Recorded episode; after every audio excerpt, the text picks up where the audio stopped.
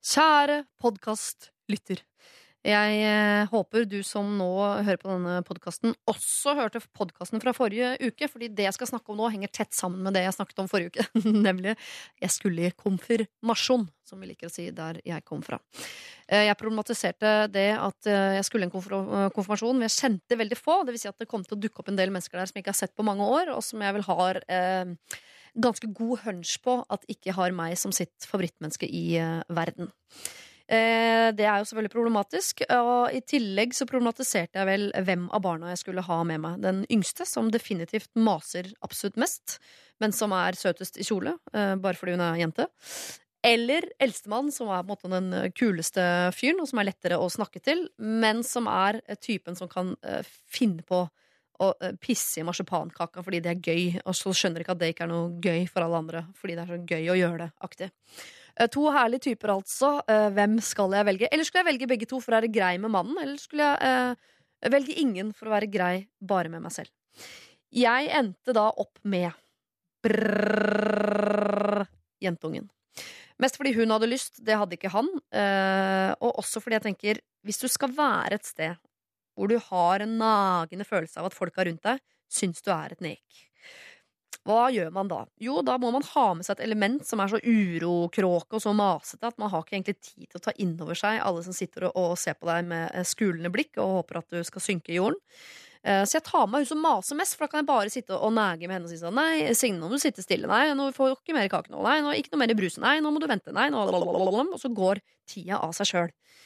Eh, god plan. Kommer fram, setter meg ned til bords, får eh, stygge blikka med en gang. Føler dem brenne seg inn i panna mi. Og tenker at eh, jeg driter i det, da, herregud. Men gjør jo på en måte ikke det. Det er jo ingen som liker å bli mislikt, uansett hvem man blir mislikt av. Eh, og tenker, Nå begynner vel sikkert Signe å mase snart, for vi har jo snart vært der i 45 sekunder.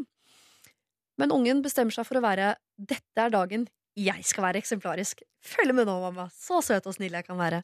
Og satt stille på stolen sin og bare var søt. Snakket med fremmede, det gjør hun for så vidt alltid, men gikk rundt, minglet, var søt, satt stille, satt pent, spiste pent, maste ikke, spurte ikke, ingenting, og overlot da meg til meg selv i to timer i fremmed selskap. Eh, Det var ikke min plan.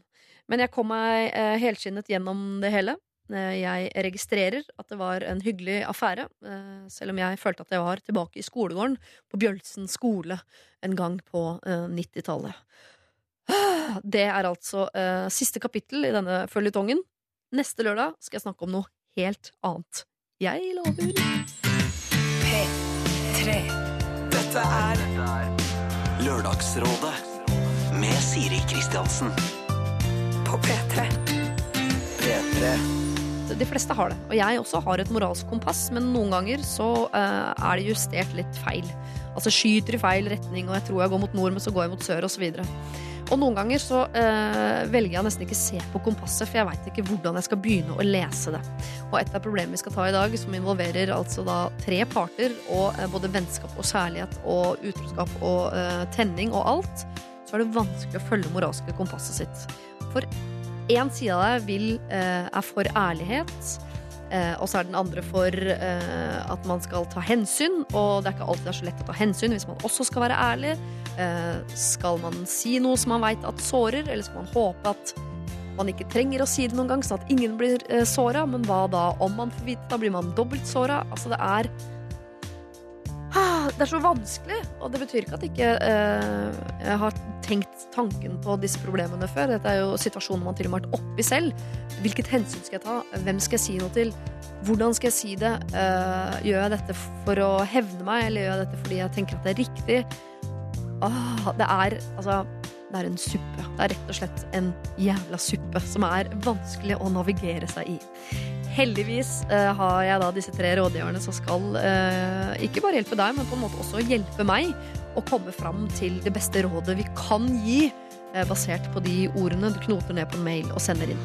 Lørdagsrådet På P3. P3 Forrige lørdag så var eh, Christian Mikkelsen her sammen med Janne Rønningen og Abid Q. Raja. Og det skjedde eh, mye rart i den sendingen. Vi fikk blant annet overtalt Abid til å grille i en basketsinglet. Noe han lovte å sende bilder av til oss i Lørdagsrådet i etterkant, og det har han også gjort.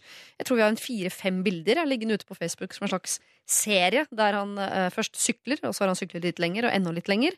Hvor han eh, til slutt står foran en grill eh, med denne singleten, men som noen så korrekt påpeker i kommentar under, singlet med T-skjorte under. Det er på en måte eh, juks. Jeg tror han trakk seg Jeg tipper han tok en fire-fem bilder av seg selv i singlet først, før han tenkte det blir for kleint, ass. Jeg må ha en T-skjorte under. Men jeg har jo lovt med billett singlet, så jeg tar T-skjorta under og singleten oppå, så sender jeg det inn. Ok, Vi satt ikke bare og fjåsa og lalla og snakket om eh, singlet og eh, grilling. Vi ga jo selvfølgelig også gode råd, blant annet til William. Som eh, var en flittig student. Han var del av et studentmiljø der alle var opptatt av å få gode karakterer og gjøre det eh, sterkt på skolen. I eh, tillegg så hadde William eh, tre jobber som han drev med ved siden av. Det vil si at han enten alltid drev med skolearbeid eller jobb. Kameratene hans hadde derimot studielån, så ved siden av å studere så hadde de det også en del moro. Og heldigvis mente både Abid, Janne og eh, Christian at det er viktig å også ha det gøy når man eh, studerer. William lurte på om han skulle kutte ut noen av jobbene sine, eh, heller ta opp studielån og bli med på noe av moroa. Og her er noen av rådene han fikk. Lørdagsrådet På P3. Altså, jeg fyller 47 nå til eh, sommeren, og jeg bare sier det at jeg har aldri hatt det morsommere enn jeg har hatt det de siste åra. Det er andre ting som gjør at det er morsommere når man blir eldre. Da. Altså, sånn, Man er mer trygg på seg sjøl, som folk pleier å si. Jeg tror det er helt mulig å kombinere jobb og studier, men hvis det er hver helg, så står du liksom plutselig uten noe som helst fritid. Og jeg tenker det er ikke bare studier og festing. Altså, du har jo også liksom å, å være del av studieforening og sånn var noe av det viktigste jeg følte jeg gjorde når jeg studerte. Men hvis du mister hele den morsomme studietida fordi at du skulle være gjeldsfri etter at du var ferdig med studietida, og jobbet deg gjennom hele studietida med å ha to-tre jobber ved siden av, så er det kanskje litt trist tid å se tilbake på. Lørdagsrådet hver lørdag fra 9 til 12 Dette er, dette er P3. Det var altså Christian Mikkelsen, Janne Rønningen og Abid Q-Raja som ga eh, sine råd til William, så var usikker på om han skulle kutte ut noe av jobbingen sin nå mens han var eh, student. Fått en mail hvor det står Hei, veldig glad for at du tok opp rådet mitt forrige lørdag. Etter sommeren har jeg bestemt meg for å høre på Abid Raja og slutte med den ene ekstrajobben. Dette fører til at jeg bare må jobbe annenhver helg og fortsatt ha en grei inntekt. Dette håper jeg fører til at studietilværelsen blir noe bedre. Jeg tror også dette gjør at motivasjonen øker, for da kan jeg se fram til disse to frihelgene i måneden. Igjen takk for råd. Lørdagsrådet burde være obligatorisk pensum. Hilsen William. Der er jeg inhabil, William. Eh, Jeg er jo selvfølgelig enig i at Lørdagsrådet burde være pensum. Jeg vet ikke på hvilken skole, eller alle, eller hvilket trinn, eller Det har jeg ikke satt meg ordentlig inn i, men at jeg er enig i premisset, at det burde vært pensum, eh, ja, det kan jeg si med hånden på hjertet at jeg virkelig er. Men igjen, jeg er altså så inhabil som det er mulig å bli.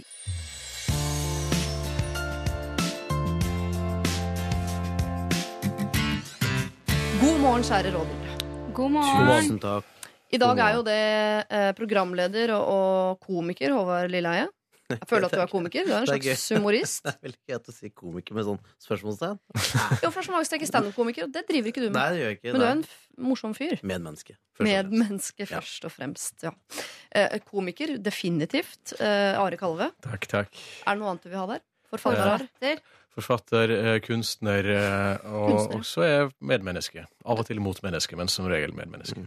Ja, du er lokalt medmenneske, sånn som meg, er du ikke det? Veldig glad i de helt nærmest, Også. så Så gir vi blaffen i verden. ja, Ja. ja. Du er litt sånn renaissance man, tenker jeg. Og du Ja. alt. alt. Det, det, det kan jeg stå for. Da, så Ja. Ta introduksjonen en gang til, og så introdusert meg som renessansemenneske. Renessansemenneske Are Kalve, god morgen. God morgen, god morgen, så hyggelig. Og så eh, SoMe-dronning. Nei. Nei, den vil jeg ikke ha. Hva vil du ha, Ida Flan? Du kan få hva du vil av meg. Oh, jeg var kattekvinne, kanskje. Kattekvinne. Fladen. Og gjerne programleder. Hvis det er, eller er det for mye å be om? Nei, nei. Nei, nei, Nei. jeg vet jo at du jobber med ting som blir program til høsten. Det stemmer. Ikke sant? Så selv om man ikke er på lufta hele tiden, så er man jo programleder. Ja, man er jo det. Eh, det er pinseaften i dag. Er det noen som har lyst til å fortelle meg hva det er? Der har ikke jeg peiling. Og Hellig ånd, er det ikke det? Og da har alle begynt å snakke språk de ikke kunne. Ja, Er det da de fikk- tungetaledagen? Ja, Ikke det er da de fikk flamme på hodet. Eller over hodet. Ja, Hvilken religion er du i nå? Ja, men jeg, jeg hadde sånn uh, tegneseriebibel. Du hadde den bibelen, ja? Den peik, peikebibelen? Ja. Og da, var det, da mener jeg at det var sånn at når Den hellige ånd uh, kom Ja. det er, ikke, er ikke det pinsa? Er ikke det nå? Jo, det, er, er er ikke riktig det. Ja. Jeg tror det. Ja. Og da, da fikk de sånn, f- eh, noen sånn flammer over hodet. Ja. At det var symbolikken som ble brukt på at Den hellige ånd kom, da! Ja, for er det nå han åpenbarer seg for folket? For at i, Han døde jo, og så i påsken så dro han Men jo, og så, og gjenoppsto han. Og så er det Kristi himmelfart. Da drar han jo opp til himmelen. Men i pinsen lurer jeg på om han åpenbarer seg for Så det du sier nå, er at Den hellige ånd og Jesus er en og samme person? Mm. Ikke Ja. person. Nei, ikke personlig. En og samme ting Ja, Apostlene begynte å tvile, ikke sant? ja. Og så kom Den hellige ånd. Og så viste han seg for sitt folk med en flamme Mm. over hodet. Mm. Nå blir det my Er ikke Jesus en person? Han var det en Ja. stund. Eller var, da. En stund. Man så mye mer. og så ble han en ånd? Så ble han så mye mer. Han er, han er, han er altså Guds sønn er eh, Mm. Jeg, jeg er klar over det, altså. Ja. Ja, ja. Men jeg ser for meg liksom Jesus som en person, og ikke en hellig ånd. Men det er, Det er bare fordi meg. du er agnostiker.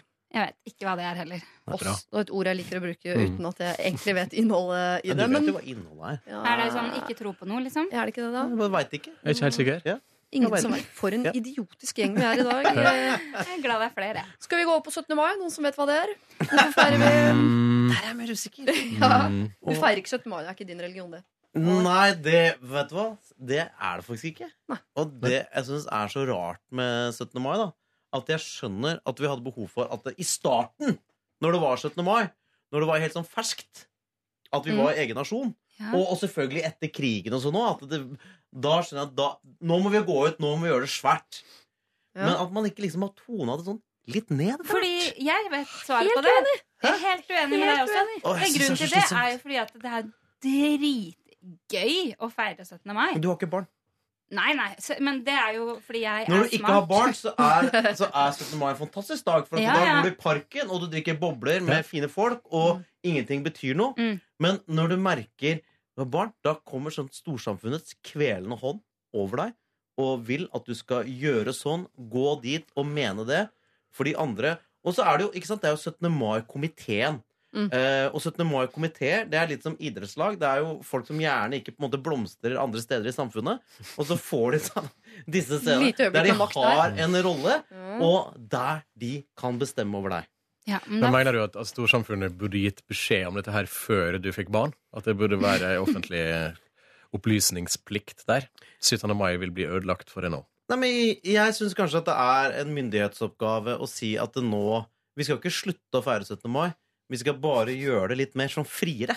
Ja, men herregud, kan du ikke gjøre det friere sjøl, da? Altså, det er du som Plutselig skal du stå i boder, plutselig, plutselig skal du gjøre det og det. Nei, hva gjør Fordi andre bestemmer at du skal gjøre det! Nei, det er ingen som bestemmer over det. Sier du, det gidder ikke jeg. Det er ikke sånn vi feirer 17. mai her i Lilleheie-familien. Fortell det til barnet ditt. Alle de andre skal feire stort, men hjemme hos Håvard mm. Der skal vi spise er Grandiosa, sånn akkurat som i går. jeg planlegger Ja, men det er faktisk, barn. faktisk, faktisk så skal jeg si at Nils Lilleheie Han har litt sånn samme forhold til 17. mai som meg. Mm. Han syns også det er pes. Mm. Ja, men da kan jo dere stikke og se på fotballkamp i opptaket opptak eller noe Ja. da, Hva dere nå driver med. Feirer du, du skal feire, Are. Er du en feiremann, Are? Jeg er en feiremann. Jeg elsker alle store anledninger og alle påskudd for eh, å samle folk og ha det festlig. Så jeg elsker 17. mai. Skal du holde tale? Jeg skal ikke holde tale, eh, for det er jobb, så jeg prøver å unngå det. Med mindre det er på en ekstremt attraktiv plass som jeg har lyst til å reise til. Ja. For eksempel Stranda eller Berlin. Eller er Den norske kirke på Hawaii, eller Ja, Berlin og Beijing har jeg takka ja til å holde 17. mai-tale men ellers ikke.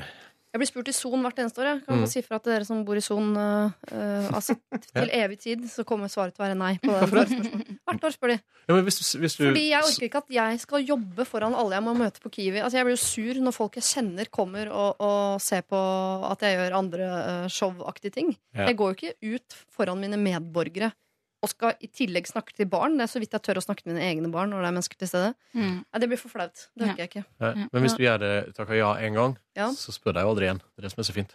Kanskje jeg skal takke ja og så bli Alt sjuk. trenger bare å gjøre det én gang i Mm. livet. Ja, i solen, ja. Ja.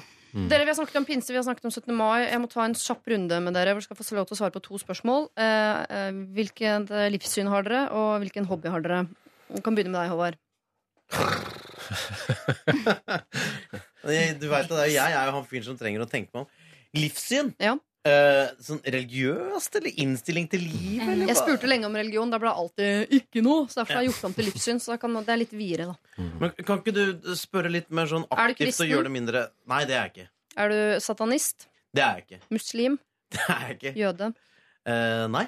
Uff, det var- Ser du uh, glasset som halvtomt eller halvfullt? Jeg vil si jeg er liksom glasset glasset halvfullt-aktig fyr. Halvfullt, ja. Da er du en positiv type, da. Det er ditt Ja, livssyn. det er mitt livssyn. Ja. Ja. Eh, hobby? Må jeg ta innsnevringsmetoden her? Ja, gjør det, er Fisker du? Nei. Ser du Eller jeg har, jeg har fiska, men ikke sånn som Spiller du fotball? Jeg spiller fotball. Da har du en hobby, og det Mm. er fotball. Are? Ja. Mm. Klarer du deg selv, eller? Jeg kan prøve. Jeg skal klare meg litt bedre enn Håvard. i hvert fall. uh, eh, livssyn. Uh, agnostiker. Ja. Uh, Men du vet jo ikke hva det er! Nei, jo, det, det betyr at jeg ikke vet Ja. noe. Nei, jeg- livssyn jeg, jeg, Tror ikke på noe annet enn at jeg har eh, ganske kraftig tro på folk. Ja. Jeg tror folk er veldig mye bedre enn eh, sitt rykte. Det er mitt, eh, min innstilling til livet. Mm. Den svikter av og til, men jeg prøver å ha den. Eh, og det andre var eh, hobby. Mm. Eh, tullprat. Er ikke det jobben din? Jo. Mer enn Det er hobbyen? som er så fint. Ja, Mm. Så eh, jobben din er hobbyen din nå, men Så heldig, ass. Ja, Fantastisk. Ja. Hva med deg, Ida? Eh, livssyn Åh, oh, Jeg hadde planlagt hva jeg skulle svare, så mista jeg det. Eh, Når begynte du med den planlegginga? eh, mens Are snakka. Ja. Eh, Følte ikke, du- følte ikke du med når jeg snakka? Nei. At du tenkte på Jeg ditt bare eget svar? satt og tenkte shit, han svarer så bra. Positiv gladjente. Jeg vet du hva, jeg er faktisk ikke så positiv som man skulle tro. Det, jeg har jeg- pessimistiske sider. Det ligger i familien. Du har veldig positiv og god utstråling. Ja, ja, men det Ja. er eh, ikke på privaten. Det kan jeg, være, jeg ser glasset ofte tom Hva heter det? Halvtomt. Ja. Mm. Ja, det er helt tomt. Men eh, jo, nå kom jeg på Det vel hva ofte jeg tomt skulle svare. deg, er det ikke det? Eh, ja, ja. Eh, Jeg tror på For det var sånn, hva tror man på? Jeg Ja. tror på eh, spøkelser. Du tror på spøkelser? Ja, eller ikke sånn nødvendigvis altså, Da mener jeg ikke sånn spøkelser sånn, uh, Ikke sånn, men liksom at folk går igjen og sånn. da Det Ja. tror jeg på. Jeg har ikke noen sånn spesielle opplevelser, men at eh, jeg tror at det, det fins Det er noe mer mellom himmel og jord-typen, er du. nettopp Ja. akkurat det. Mm. Hobby eh, se på trash-TV. Ja. Eh, så mye som overhodet mulig hele tiden. Og eh, eh, leke med kattene mine. Leke med katter Hvor og se mange- dårlig TV. Hvor Ja. mange katter her er Eh, det, er, det er to. Den kattepraten får dere ta senere, for det Nei, det skal alle slippe. Ja. det ja, men mener Are kan få den. Ja. Har du katter? Ikke nå lenger. Jeg har hatt to. Er begge døde. Jeg Altså- fader dere ut mens jeg kan fortelle resten av Norge at vi skal høre Gilt med Nero og Alana, mens da Ida og Are skal snakke om katter. Vi kan godt ta en liten runde på noen fotball eller sånn mens, eh, Håvard. Og så kommer vi tilbake, og da skal vi ta tak i morgenens første problem.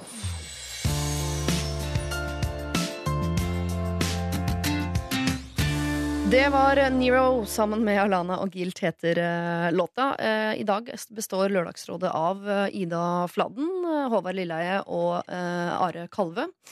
Og vi skal ta tak i morgenens første problem, folkens. Har dere fått penne og papir, forresten? Ja, takk. Jeg har ikke fått det. Jeg Nei. ikke fått Det det. Kan noen dele med Ida Fladen? Jeg har masse papir. Ja, i Ida Papir. Hvis du har behov for å notere, da. Det kan godt hende. Det vet en aldri. Har du penn? Eh, nei. Penner er det her. Jeg leser litt mens jeg dere. Vi har fått en mail fra Emma hvor det står Hei, kjære Lørdagsrådet. Jeg er en jente på 23 år. Jeg har blitt veldig betatt av en god venn. Kall han Petter. Og han har tilsvarende tiltrekning til meg. Ingen av oss er forelsket, men vi har utrolig god kjemi og er til tider ganske tent på hverandre. Problemet er bare at begge har kjæreste. Vi er begge i avstandsforhold. Min kjæreste studerer i en annen by, og hans kjæreste tar et semester i utlandet. Vi har det veldig fint med kjærestene våre, men begge kjenner veldig på savnet og søker kanskje litt erstatning i hverandre.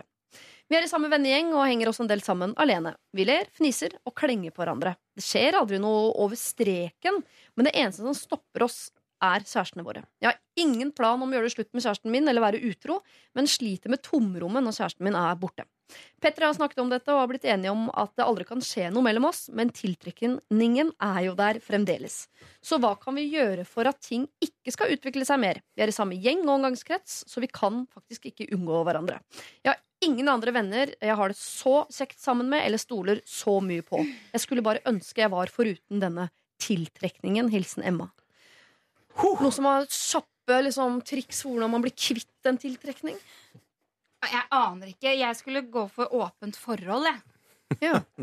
Rett og slett så kan man få liksom både i pose og sekk, da. Jeg tenker kanskje er litt seint å komme med når kjæresten din er bortreist i hva det var, et halvt år. Mm. Ja, men Og det er bare å ringe. Har du Foreslå midt i den perioden. Kanskje vi skal ha? Ja. ja. Ida, har, du, har, du, har du vært i åpent forhold noen gang? Nei, men det frister jo til tider. Nei, uff, det er så ufint. Jo, men det kan man si. Det gjør det jo. Ja. Men jeg tror ikke eh, Jeg ville nok ikke gjort det, nei. Men Nei. eh, så har jeg aldri opplevd å være liksom så tiltrukket av noen andre enn kjæresten min. Av noen som jeg liksom omgås med ofte heller, da. Så det kan hende jeg hadde sett uh, annerledes på det da. Har du aldri kjent på den dyriske tiltrekningen? Selvfølgelig, men ikke én person som jeg møter hver dag, Nei, og som liksom nei. omgås med sånn. Det har jeg ikke. Nei, for Vanligvis er svaret på dette at uh, de faktisk må unngå hverandre. Jeg er jo ganske god på det. Hvis jeg havner i en festlig situasjon, og det er et menneske jeg tenker sånn Oi, deg ville jeg blitt tiltrukket av under normale omstendigheter. Eller single omstendigheter, da, som det kalles. Eh, Jeg trekker meg tilbake, reiser hjem.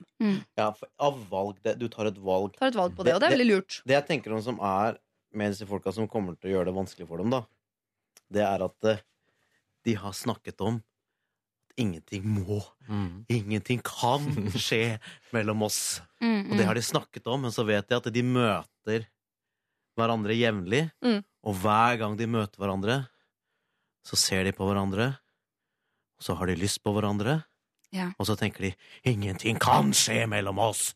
Og da blir du enda sterkere. Det er en veldig selvforsterkende greie, sier de. Altså, det, er, det gjør det vanskeligere. Forbudt kjærlighet. Det er forbudt Ja. kjærlighet! Å, Det er herregud. blitt en ting mellom deg. Det er en Ja. ting! De har snakka Det er det på seg. Ja. Hæ? Dette er som min flyskrekk. Altså, Men- den er egentlig ikke reell. De har bare snakka det på seg. Ja. Men jeg ville nok eh, Det var Petter han het, ikke sant? Ja, Jeg vet ikke om han faktisk heter det, men vi Nei, nei, kaller men den altså. La oss, han heter, la oss kalle han Petter. La oss kalle Petter Petter.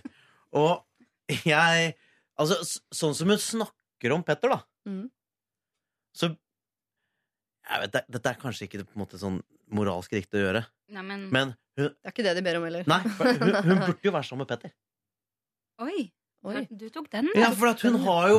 Altså, det er jo ingen hun snakker så godt med. Ingen hun har det så gøy sammen med. Hun er betatt av han. Hun er tent på han. De, de, altså, praten flyter.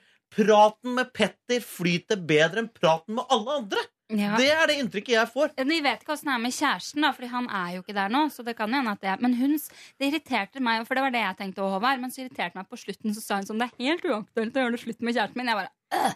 Ja. Fordi det, Ellers hadde jo svaret vært lett. Men det er jo tydeligvis uaktuelt for henne. Men jeg tenker, Er kjæresten hennes rik, eller hva er det? Eller hvorfor Nei, men er det helt hun Kanskje sa han er, jo det, kanskje han det er er helt jo- fantastisk? Ja, og Det at det var jo eh, litt av grunnen til at hun tror hun er så tiltrukket av Petter og Daddy, det er jo fordi hun savner kjæresten. Så det Ja. er jo ikke det at kjæresten er dårlig, det er bare det at han ikke er der. Nå. Ja. Det er der jeg tror du tar feil, da. Ok. Det er der jeg Du- tror det er altså- Tror det er hun og Petter? Du Ja, tror jeg ikke på tror- kjærligheten mellom Emma og, og kjæresten, eller Petter og kjæresten? Husk at Petter også har kjæreste her, dere. Så det er Mm, potensielt to stykker som blir veldig veldig såra for at to andre skal få ligget sammen.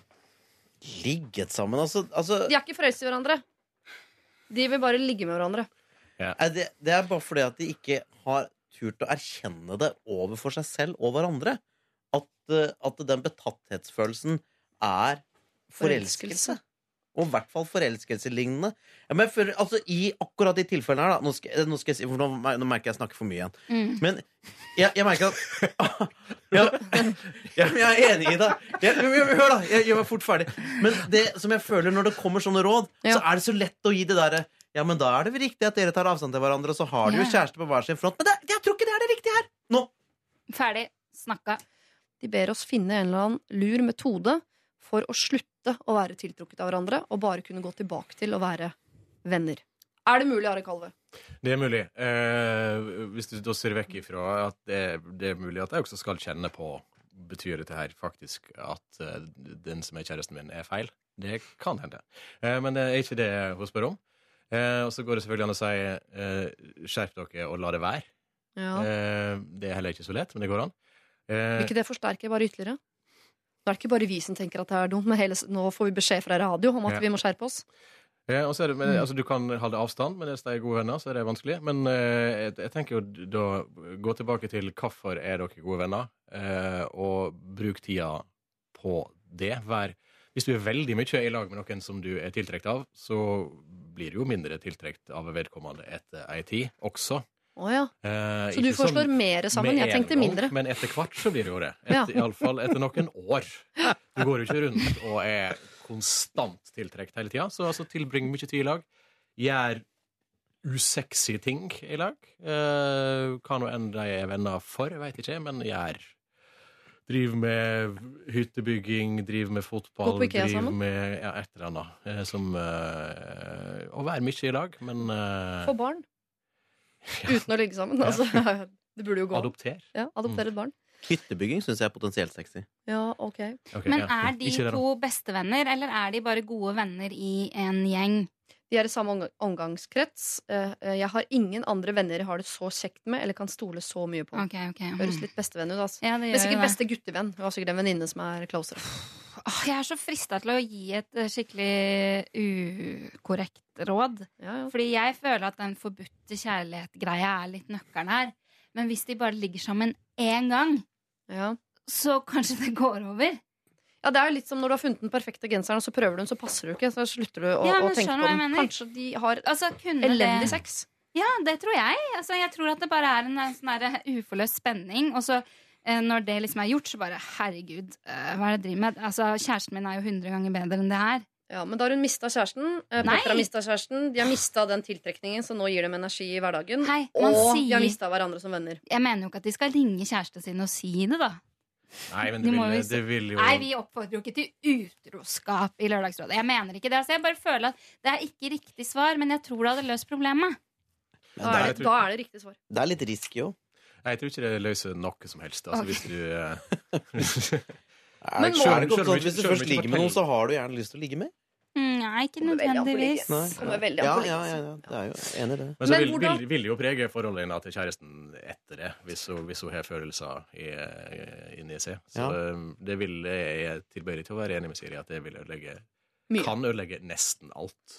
Ja, men Men hvordan kan man uh, slutte å synes en som er tiltrekkende, er tiltrekkende? Jeg tenker at Man må avmystifisere på en eller annen måte. måte. det her fikk jeg tips av en kompis for veldig veldig, veldig mange år siden. Ja. Og så, for Da var det en gutt som var forelsket i meg, så var ikke jeg forelsket i han. Ja da, det skjer. Ja, ja, ja. Eh, og da sa min guttekompis sånn Da må du gjøre deg selv så lite eh, spennende som mulig. Du må dele masse hemmeligheter, og du må snakke om andre gutter, og du må bare gjøre deg litt sånn Du må gjøre deg så kompis at du på en måte er ute av hans liksom bevissthet på noe annet enn kompis. Mm. Og så tenker jeg kanskje, hvis ikke det holder her, Fordi jeg er jo venner i utgangspunktet, hva med å vise seg fra sine verste sider? Eh, Altså i forhold til sånn Hva med hva med å, å vise hverandre rumpehullene i opplyst rom, for eksempel? Mm. Jeg vet det er drastisk, men altså vise hverandre ting som er så stygt at man tenker Jeg orker ikke å ligne med deg, faktisk, Mm. for du er jo ekkel. Se på hverandre, spise buse, eller altså Ja, dette liker jeg kjempegodt. ting sammen. Men hva med å også være innom tanken Kanskje det er dem. At det er de to. Men jeg syns de må Altså, når, når det er så mye positivt mellom to mennesker som det som er beskrevet i, i e-mailen her, og de har avstandsforhold hvert sitt sted, Mm. så må de jo også bearbeide Du, kanskje det er bedre at vi er sammen? Åh, Det verste er at jeg er litt enig. i Det tre er 23 er- år, altså, og den det går ikke an å se bort Men det er jo fra ikke det. det hun spør om. Nei, det skjønner jeg, men jeg må jo likevel ta Ja, ja. inn over meg det innholdet jeg, Men jeg jeg blir har, jeg har noe nå. Nå har jeg noe. hvis, hvis du skal si det samme som jeg skal si nå Så klikker det. Mm. Jeg tror ikke det, for ditt er sikkert mye smartere, men jeg prøver. Altså Det du, uh, Emma må gjøre, er å se for seg framtida med Petter. Ok, vi ligger sammen, vi får det ut av verden. Vil jeg bo sammen med han? Vil jeg ha barn med han? Vil jeg Se for deg det forholdet, liksom, Emma. Og så sammenligner du det med kjæresten din, og da mistenker jeg at mest sannsynlig så bare Ok, det er kanskje bare det liksom første greia her. At man må liksom se for seg utviklingen, og så kanskje det liksom fader litt hen i forhold til eh, det forholdet hun er i nå, som hun også beskriver som veldig bra. da At man må liksom tenke litt lenger, og så bare Oi, shit, det er jo ikke det jeg vil. Og da får jeg ikke noe ut av den der lille tiltrekningsgreia her. Jeg skal faktisk prøve å oppsummere med et råd som jeg tror eh, inkluderer alt det dere har sagt til nå. Eh, jeg tror at de kan, eh, uten å, å gå over disse grensene som de foreløpig har holdt seg innenfor, så kan de prøve å eh, ikke bare se for seg, men være kjærestepar litt. Nettopp, eh, Om ikke bygge noe, så gå på Ikea eller gjøre kjæresteting for å se eh, er dette noe som frister. Har jeg faktisk lyst til å kjøpe hjørne og sofa sammen med deg? Bare for å se om man har lyst på forholdbiten, eller å eliminere den til nei, det er bare sex. Hvis det bare er sex, så tenker jeg eh, se hverandre gjøre stygge, ekle ting. Gjør hverandre eh, stygge for hverandre. Og hvis du etter å ha sett han eh, både på Ikea og sett han gjøre ekle ting, og han har liksom vrengt sjela si, hvis du fortsatt har lyst på han, Mm. Da må vi gi deg et råd du ikke har bedt om. Mm. Da tror vi at du faktisk må teste Petter som kjæreste, og så må du eh, droppe han du er sammen med i dag. Hvis dere vil ha hverandre etter alt det der, så syns vi det er verdt å gi det et forsøk. Hilsen alle oss i Lørdagsrådet.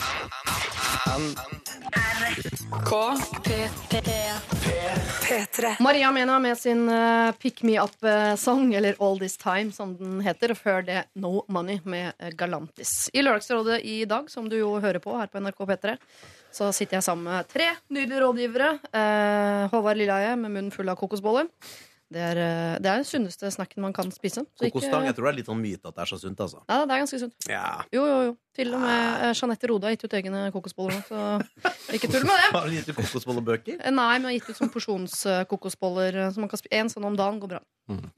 Ida Fladen, du gikk for vestlandslefsa. Jeg gjorde det, for jeg er sulten. Det var det som ligna mest på mat. Ja, og Ari Kalve, du klarer deg helt fint uten det, det kommer jo mat inn hit nå, men den ble plassert såpass langt fra meg at jeg ikke når bort til den. Og du tok det, det personlig, eller er det mer logistikk? eh?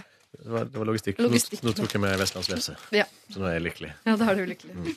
Eh, dere, vi skal inn i et eh, kollektiv. Jeg har fått en mail fra Iselin hvor det står Jeg er en jente på 18 år som bor på hybel med to av mine nærmeste venner. Kall dem Anders og Susanne. Vi har det veldig fint sammen og trives veldig godt i hverandres selskap. Jeg hadde ikke byttet dem ut for noen ting. Susanne holder på med en fyr som i seg selv er veldig flott, og, eh, vil, eh, og vi vil at hun skal være lykkelig og alt det der. Men hun er aldri på hybelen lenger. Det er gått en stund nå, og hun kommer hjem fra skolen og drar igjen. Altså, Hun er aldri sammen med oss. Det er altså slik at Hvis hun blir sittende alene når vi har noe vi skal gjøre, så blir hun sutrete og ber oss om å ikke dra. En del av problemet er også at vi ikke liker så godt fyren som hun holder på med. Han er ikke helt vår type, og er ikke noe vi generelt kommer godt overens med.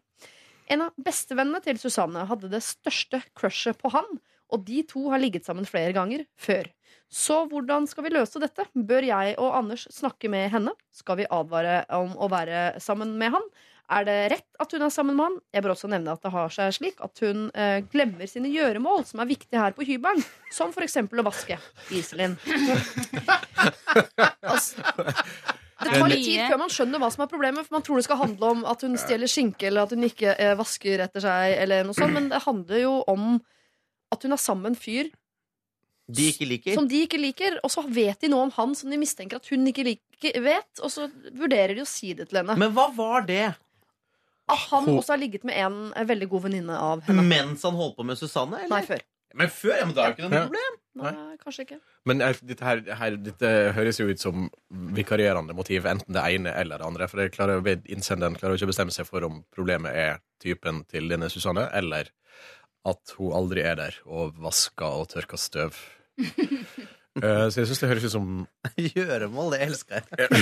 Altså, Denne mailen er ganske kort, men den er som en reise. For Ja. man går fra det man tror er et problem, til noe som viser seg å være et annet problem, men som viser seg å være et tredje problem. Og Ja. det problemet har også litt sånn vikarierende motiver.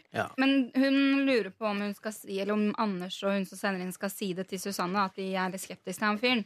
Er det det som er spørsmålet?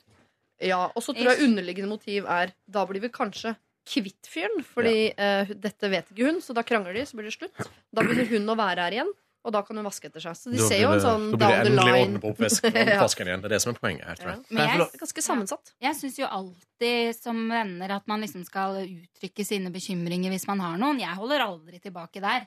Nei, det tror jeg ikke du gjør. Ida Fladen, pleier du å lide det stille? Absolutt ikke. Nei, jeg syns jo det hvis de går rundt og tenker på at ja, de liker den ikke. Så jeg, hvis venninna mi får seg en kjæreste som jeg ikke liker, så Mm. sier jeg det. Men jeg sier ikke sånn øh, slå opp eller øh, Jeg sier bare det, dette syns jeg. Jeg Gjør hva du vil. Ja, jeg er enig i det, men da syns jeg innsenderen først skal kjenne ordentlig på hva er egentlig Er du snurt fordi at venninna di aldri er i kollektivet og vasker opp etter seg, eller er det kjæresten, den nye kjæresten som er problemet? Kan jeg få lov til å prøve å rydde opp litt her? Ja. Vær så god. Mm. At uh, dette er egentlig en sånn livsfaseting, Ja. uh, hele dette problemet. Dette er sånn uh, En fase i livet så bor man gjerne i kollektiv.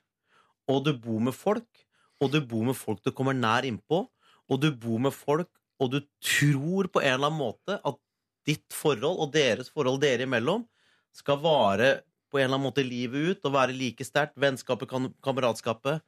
Alle skal være single, alle skal ha lyst til det samme hele tiden. Men du, mange av disse folka, de kommer til å drifte fra det. Og det er det som skjer her. Det er det som skjer her. Hun er rett og slett på vei videre. Hun er aldri i kollektivet. Hvorfor ikke? Hun er ikke så interessert i dere lenger. Jeg skal Hun er bare på vei et nytt sted, liksom. Fått seg type. For- å, type. for å seire på en annen måte, det er livet sjøl som, som, er kom- på besøk i dette kollektivet. Det er så bra oppsummert, for det er akkurat det som har skjedd. Ja, jeg er helt uenig, da, fordi jeg har bodd i, i, i kollektiv i mange år. Og de jeg bodde i kollektiv med, de er i livet mitt ennå nesten Eller ja, faktisk daglig. Daglig? Ja, ja, om det er altså ikke face to face nødvendigvis, men for eksempel Facebook. Eller SMS, eller hva det Facebook måtte til være. Facebook? Mm. Men du Så- bor ikke i lag.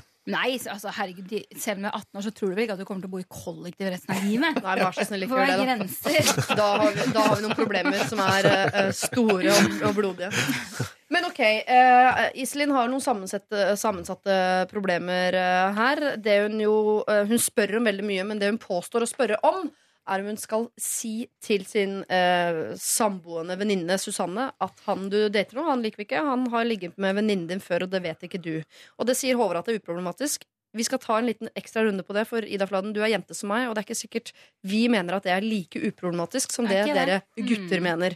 Hold tanken. Hei, hei, hei. Eh, Vi eh, Håvard er ikke dere gutter. Nei, for du er ikke enig med Håvard. Du er på jente... Er på- er på- Are er med på jentelaget. Dette er er P3. Livet har kommet på besøk, er det nærmeste vi kommer. Og jeg sa rett før Carpe Diem at vi, eh, vi jentene, altså Are Kalve, Ida Fladen og jeg, eh, skulle ta en runde på Er det helt uproblematisk at typen til Susanne har ligget med venninna henne før de ble sammen? Altså, I prinsippet så er det jo det. Ja. eh, selvfølgelig. Men, i, men prinsippet er jo ikke alltid så veldig interessant. Selvfølgelig er det, I prinsippet så er 40-40, og han må få ha lov til å ligge med den de han vil, før han møtte henne. Men hvis eh, det er sånn at disse vennene har en mistanke om at eh, dette er noe han A ikke har fortalt sin nye kjæreste, eh, og B det ville være naturlig at han hadde fortalt henne fordi at de har møtt dine venninne et par-tre ganger, eller noe, og C det sier noe om han som type, som han ikke vil at den nye kjæresten skal vite, da er det noe som det kanskje går an å vurdere å si. Det er vel Susanne som bestemmer om hun syns det er uproblematisk eller ikke. Tenker jeg. Ja, det er litt, men det er også litt han eh, nye som må få lov til å fortelle det. Men skal det si noe han om han som type? At han har ligget med en annen jente Nei. før han traff hun Susanne? Det sier vel ingenting ingenting hei, om han Det er jo ikke bare en annen jente, det er jo venninna. da. Hvis du er typen som eh, går rundt på jenter i samme venninnegjeng. Jeg vet ikke helt om det er han jeg ville slått meg til rom med, liksom. Men det Så kan jo hvis hende du hadde møtt en fyr som du likte godt, og dere begynte å bli sammen, og du fikk vite at han før dere ble sammen, hadde ligget med en venninne av deg, så hadde du ikke villet være sammen med han. Det var ikke det jeg sa. Jeg sa bare at eh, Jeg sier det. Jeg sier det for deg. Ja, ok. Sier du det? Mm. Hadde ikke likt. Ja, men ha- hadde du Er, er det no go, liksom? Det er ikke, det er ikke noe, men det, nei, hadde du, Men jeg li- hadde kunne du likt aldri tenkt meg å ligge Hadde du likt det? Og du, altså, hvis du da tenker det Ja, men jeg altså, tror ikke det hadde gjort meg så mye. Nei, nei det, det er jo greit. Altså, hvis, jeg hadde, hvis jeg hadde likt de- denne personen da, veldig godt, så hadde jeg jo sett forbi.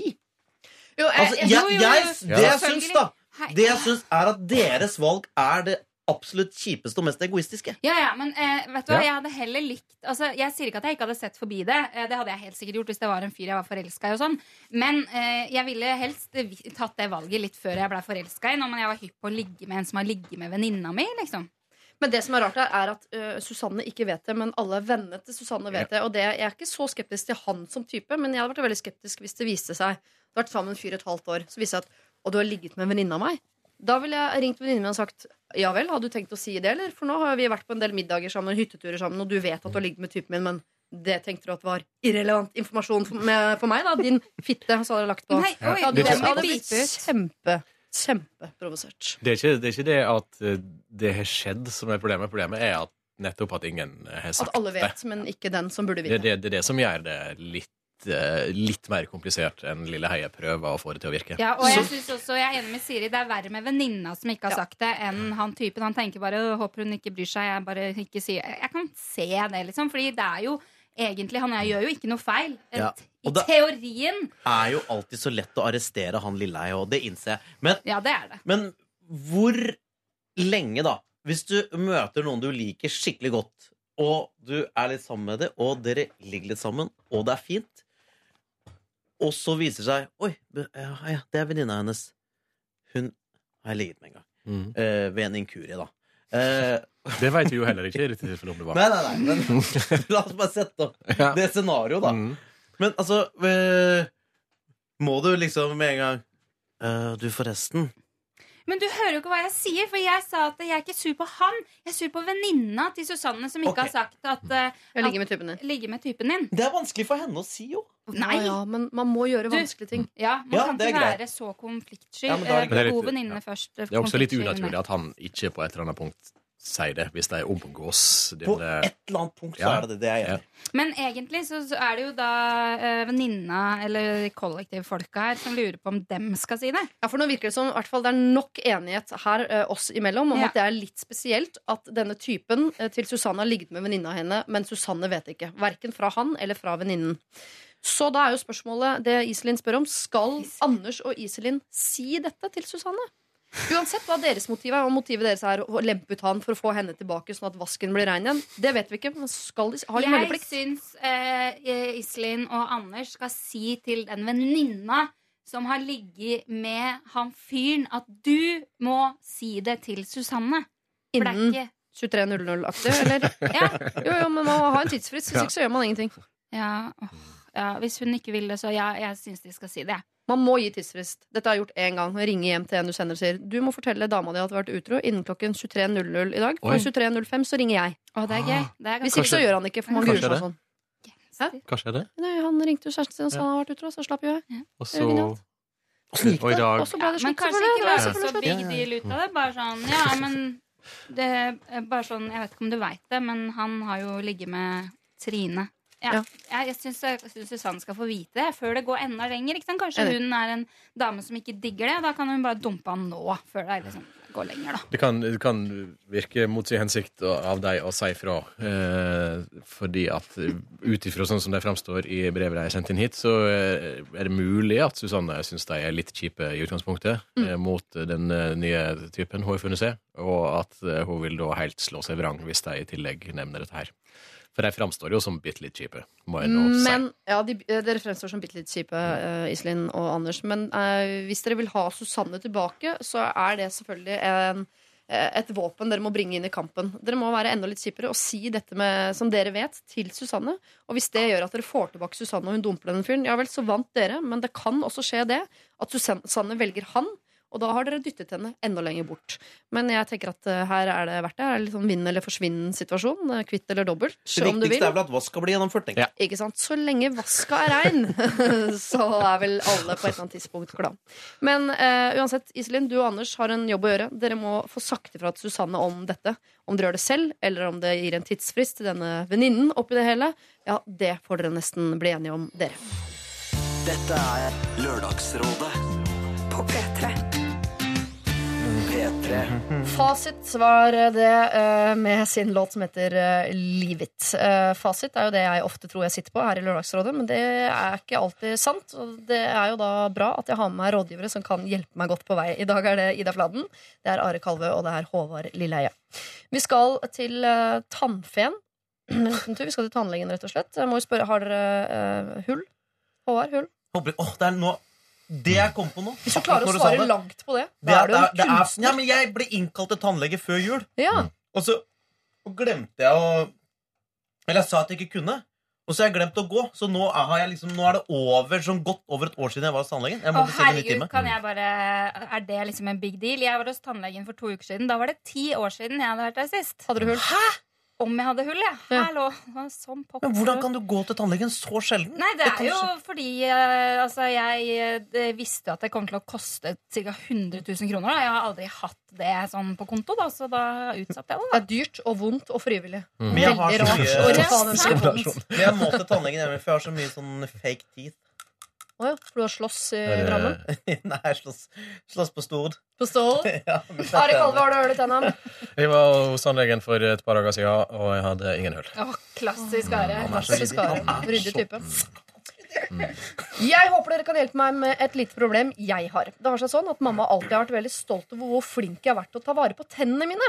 Jeg har alltid brukt tanntre, skylt med fluor osv. Likevel har det seg sånn at jeg har hatt hull i tennene faktisk tre ganger. Hvis jeg blir spurt etter at jeg har vært eh, hos en eh, tannlegetime, sier jeg alltid 'null hull'. Jeg skjønner ikke hvorfor jeg sier det. Det er mulig det er fordi mamma har snakket om at eh, jeg må være stolt, og at jeg er heldig som aldri har fylt eller bora i tennene. Men er det noe vits å si fra nå, eller, eller kan mamma få lov til å leve i god tro? Hvordan skulle jeg tatt det opp? Jeg tror det plager meg litt at jeg har ljugd for henne i mange år. Men er det så big deal? Nei. Nei. Hvor gammel var dette mennesket? Det står det ikke noe om. Nei, ok. Nei. Nei? Er det så enkelt? Ja. Flytt utenbys, bli litt selvstendig og reise hjem igjen. Men skal, hvis hun nå får hull nummer fire, da men hun er jo bare på tre, det er ganske lite, eh, skal hun fortsette å si 'null hull' når hun Nei. kommer fra tannlegen, eller skal hun uh, Kan vurdere også å begynne å si ja, nå hadde, denne gangen hadde jeg faktisk et hull, men uh, ikke Men hun kan si at det var veldig lite. Det var et, be- et begynnende Ja, et hull. begynnende hull. som ligger bak to tenn som er over hverandre? Vi er sier at det er et lite problem, men denne personen som faktisk har sendt inn det, Mm. har, har det litt ille med seg selv. Da, for at hun har for lyvd moren sin moren sin. ja. Mm. Og det må ikke vi egentlig tulle med. Nei. Um, Ja, det kan vi faktisk tulle jo, jo, litt med. men så skal vi ta det litt på alvor. Hvor mange hull hadde du, forresten?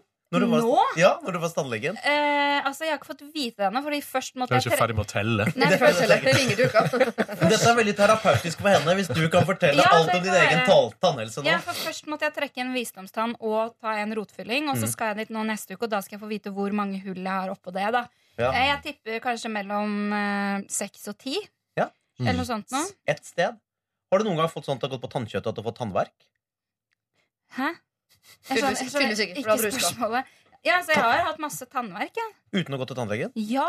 Dette er fantastisk! Herregud. Men hvis du kjøper amerikansk fluorskyld, så tar det rotta på tannverk. Ja, den, den, ja, den som smaker sånn peppermynte veldig sterkt. Ja, den som etser bort. brenner litt. Ja. Mm, så ser det ut som du er med i eh, Pirates of the Caribbean og kan gå under vann. Du har, du har heller ikke tennene Nei, etter jeg å ha brukt den. Det er helt riktig. Det er et minus. Kan jeg fortelle dere en spennende ting om min tanngard? Mm. Vi får høre, kanskje. Ja, Jeg tror jeg har sagt mange ganger på radio, men det er fordi jeg er så stolt av dette. At du Ja. har hatt null hull. Absolutt ikke. Jeg er neste generasjons menneske.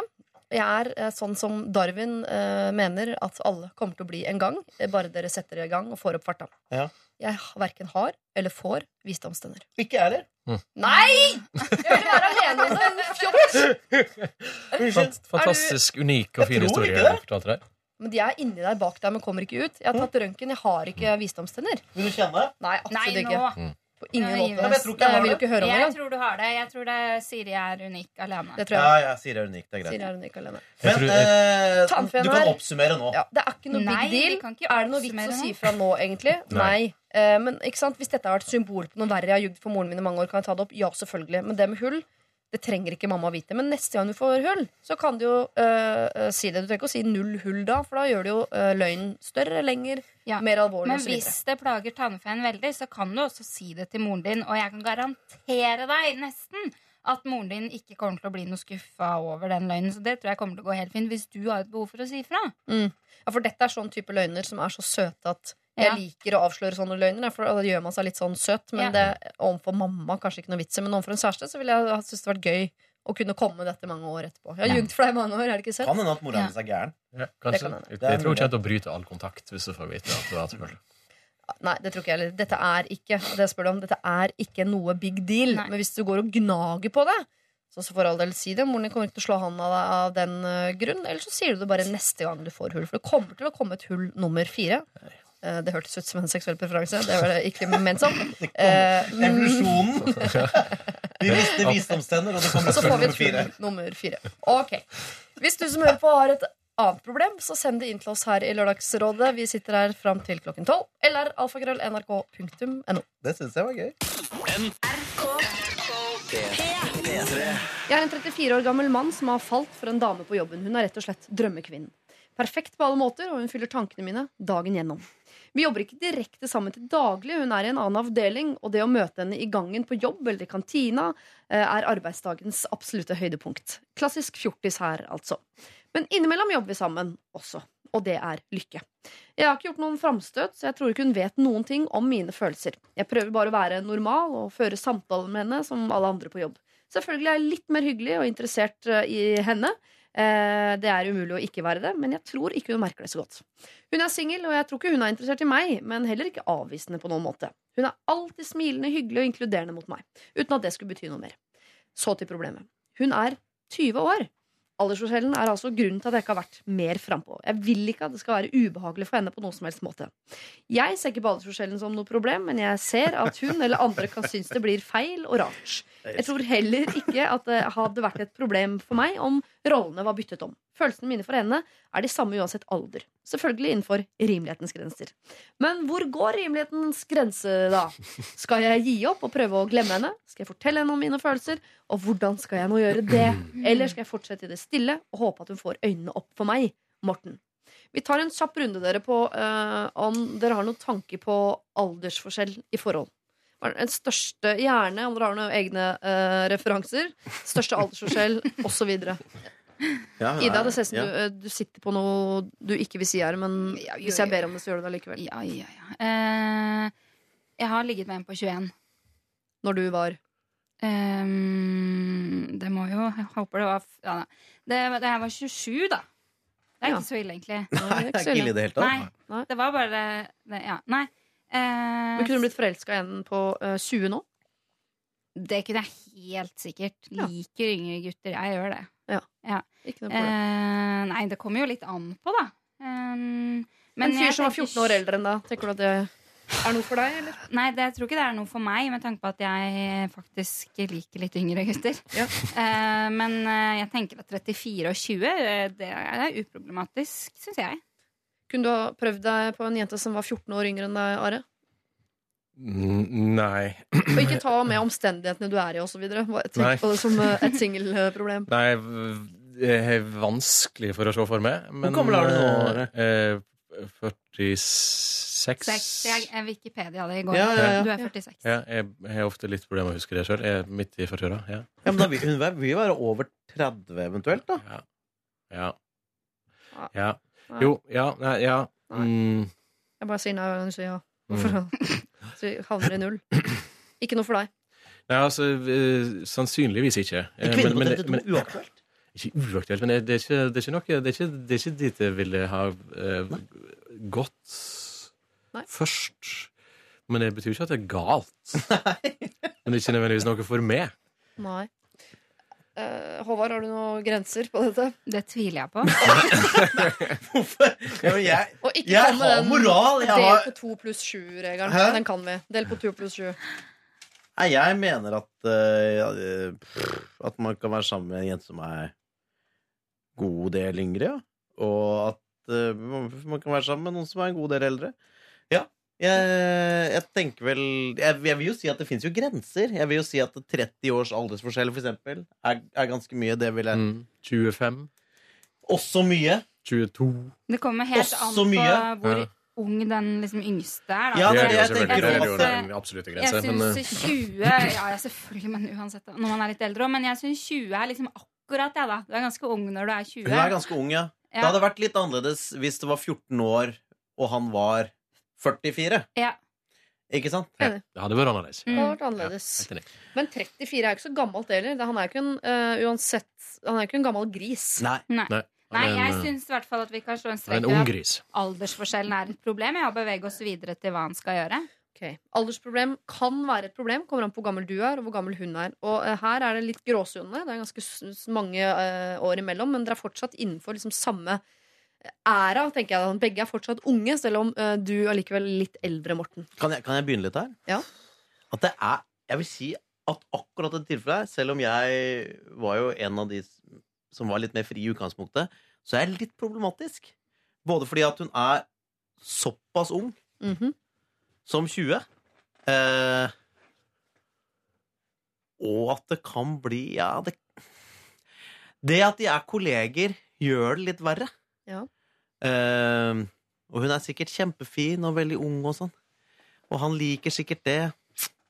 Ah, jeg syns det er sånn Det er akkurat det, det, kom, ja, det kommer også litt an på hva slags Hva slags sånn hierarkisk forskjell det er.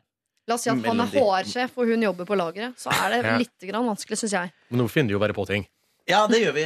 Ja, Dette vet, vet vi jo ikke. Men, dette vet Mortens hvis han hører Å ja, det er verre, og han vet selv at han er HR-sjef og hun jobber Ja. på lageret, så taler dette Mm. eh, ikke til din fordel. Ja, nei, for det er en, her er en sånn statusting som eh, gjør at eh, et framstøt kan eh, virke usympatisk på mer enn én måte. Mm -hmm. uh, Det jeg tipper, da, er at hun veit. Han tror at hun ikke har skjønt det. Jeg tror hun Ja. har skjønt det. og at hun ikke er interessert. Nei, det veit jeg ikke. Men, det er veldig men, smilende og hyggelig og inkluderende sånn mot han. da. det, Ja. Men eh, Det det, det, kommer jo litt an på Det er jo eh, noen 20-åringer som bare er sånn 34, er du sinnssyk, liksom? Det skjer ikke. Og så er det noen som er litt sånn friere og liker eldre menn. Jeg tror det er litt viktig å finne ut av det før han eventuelt Jeg gjør skal et spørre om det, da. mener du. Nei, men altså, gjør litt research, da. Liker du eldre menn, jenta mi? Kan man for eksempel åh, åh. og bare på generell basis! Altså, altså mer som et det, Retorisk. Ja, da vet Therese. Just making conversation. Men hvis hun er en jente som liksom har en grense på 25, så er det Ja. jo ikke noe vits i, og da blir det mer ekkelt enn hvis hun Men hvordan skal han finne ut det, da? Ah, må vi, det kan, kan ikke Morten finne ut noe sjøl òg, eller? Jo, men Står det på Facebook-profilen til folk, liksom? Eller? Det ligger jo på se på Wikipedia. venne... Jo, for- Det vil ikke synes på meg at jeg elsker Snoke elsker litt rundt i vennekretsen og spørre Nei, ok, da. Men Du kan researche deg i hjel om meg. Men du ville aldri ha funnet ut at jeg elsker eldre menn. Bortsett fra nå som jeg er sammen med en gammel mann. Så jeg ville ha skjønt det selvfølgelig Men før det, da. ja, ja, jeg ser den. Men eh, kanskje man har det litt, litt på følelsen, da. Altså, se på vennene hennes, for eksempel. Er det bare 20-19-åringer? Altså litt sånn, da. Jeg vet ikke. Hvis de Men- har en firmafest. Ja. på et hotell Hvor de skal være i dagevis. Ja. og han legger seg i sengen på rommet hennes. Nei! Hva er det du Håvard. med, Og så kan han, når hun kommer inn da, da ser han jo om hun blir positivt eller negativt Ja, overraska. det er helt Og så kan han late som han har gått feil hvis hun blir negativt overrasket. Oi, oi, oi, var det ditt? Nei, dette beklager jeg. Det var jo innmari klønete. Men jeg lurer på, hold dere fast, folkens. Eh, Jeg må komme med en innrømmelse. Jeg er ikke noe sjekkekunstner. What? What? Så jeg lurer på om det fins en måte å kommunisere på som gjør at jeg sjekker ikke opp deg nå, men jeg legger til rette for at dersom du skulle ønske å sjekke opp meg, så virker ikke det så skummelt. Nei. Eh, ja. Fins det? Eh, hvert fall da hvis du eh, De er kollegaer. Jeg Ja. mener at i dette tilfellet er en fordel. Har erfaring på området selv, er faktisk her fra NRK. Ja. Eh, og da bruker du jo selvfølgelig den interne chatten. Og der kan man jo begynne med noe veldig uskyldig, ikke sant? Altså sånn bare vanlig samtale. Sånn «Hæ, Er det du som har lagt igjen der i printeren? Altså, altså noe jobbgreier, da. Ja. Og da kan man føle seg litt fram På på, tonen. på, tonen der, og det kan fort utvikle seg til eh, eh, Skype-sex. Ja, Det begynner- det begynner med printerprat. også. Ender i Skype-sex. Aldri hatt Skype-sex. Hvordan traff dere hverandre, da? Ja, men er, jeg mener jo at det er sånn Jeg har altså, venninner også altså, som har sjekka opp folk på interne chatten på jobben, så det, det, det, er ikke, det skal man ikke undervurdere. Det da- man skal ta med i regnestykket når du er interessert i noen på jobben, det er at de er kanskje ikke så attraktive som du tror. Fordi at det er ofte sånn at de folka som du driver og tasser rundt eh, til daglig, eh, de kan man liksom bli hvis man har andre positive egenskaper, da. At man kan, eh, altså man kan rangere de utseendemessig litt høyere enn de egentlig fortjener. Jeg vet ikke om dere kjenner til uttrykket 'not really good looking', just office good looking. Jeg skjønner ikke til det, men jeg skjønner det umiddelbart. eller jeg syns det var fint. Ja. Jeg syns det.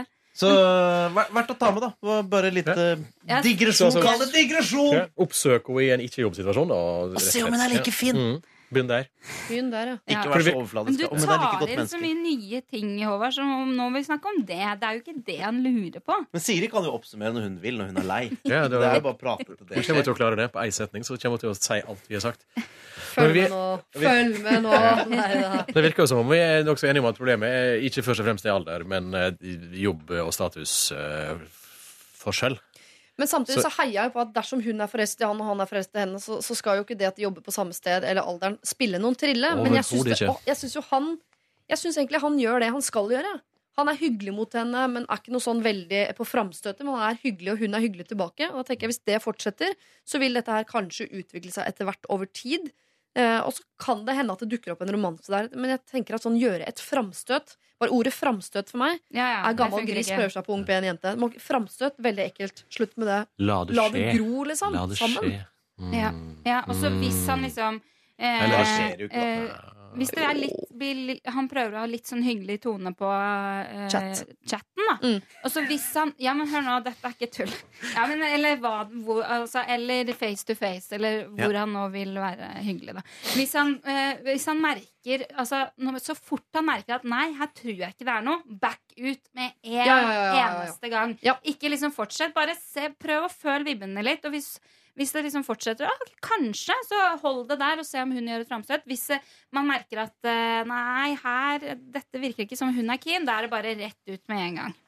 Ok, Så da klokt, lander vi rett og slett Veldig bra eh, sagt. Veldig veldig bra sagt av deg, uh, Ida. Uh, Morten, du hørte hva Ida sa. Det er det du skal gjøre. Du gjør mye riktig nå. Legge på litt chat, men fortsett å være liksom uh, ydmyk. Og det som er veldig viktig at du gjør, det er nemlig at du er eh, oppmerksom på hennes hint. Hun skal ikke bli satt i en situasjon hvor hun er nødt til å, å, å sende en mail til Lørdagsrådet og si eh, Nestlederen i firmaet mitt driver og prøver seg på meg. Jeg har sagt, eh, prøvd å hinte til nei mange ganger, men han tar ikke hintet. Ble det ble. Den mailen vil vi ikke ha på vegne av deg, Morten. Så her må du være ekstremt var for hennes eh, hinting. Og husk at folk er høflige, betyr ikke at jeg er forelska.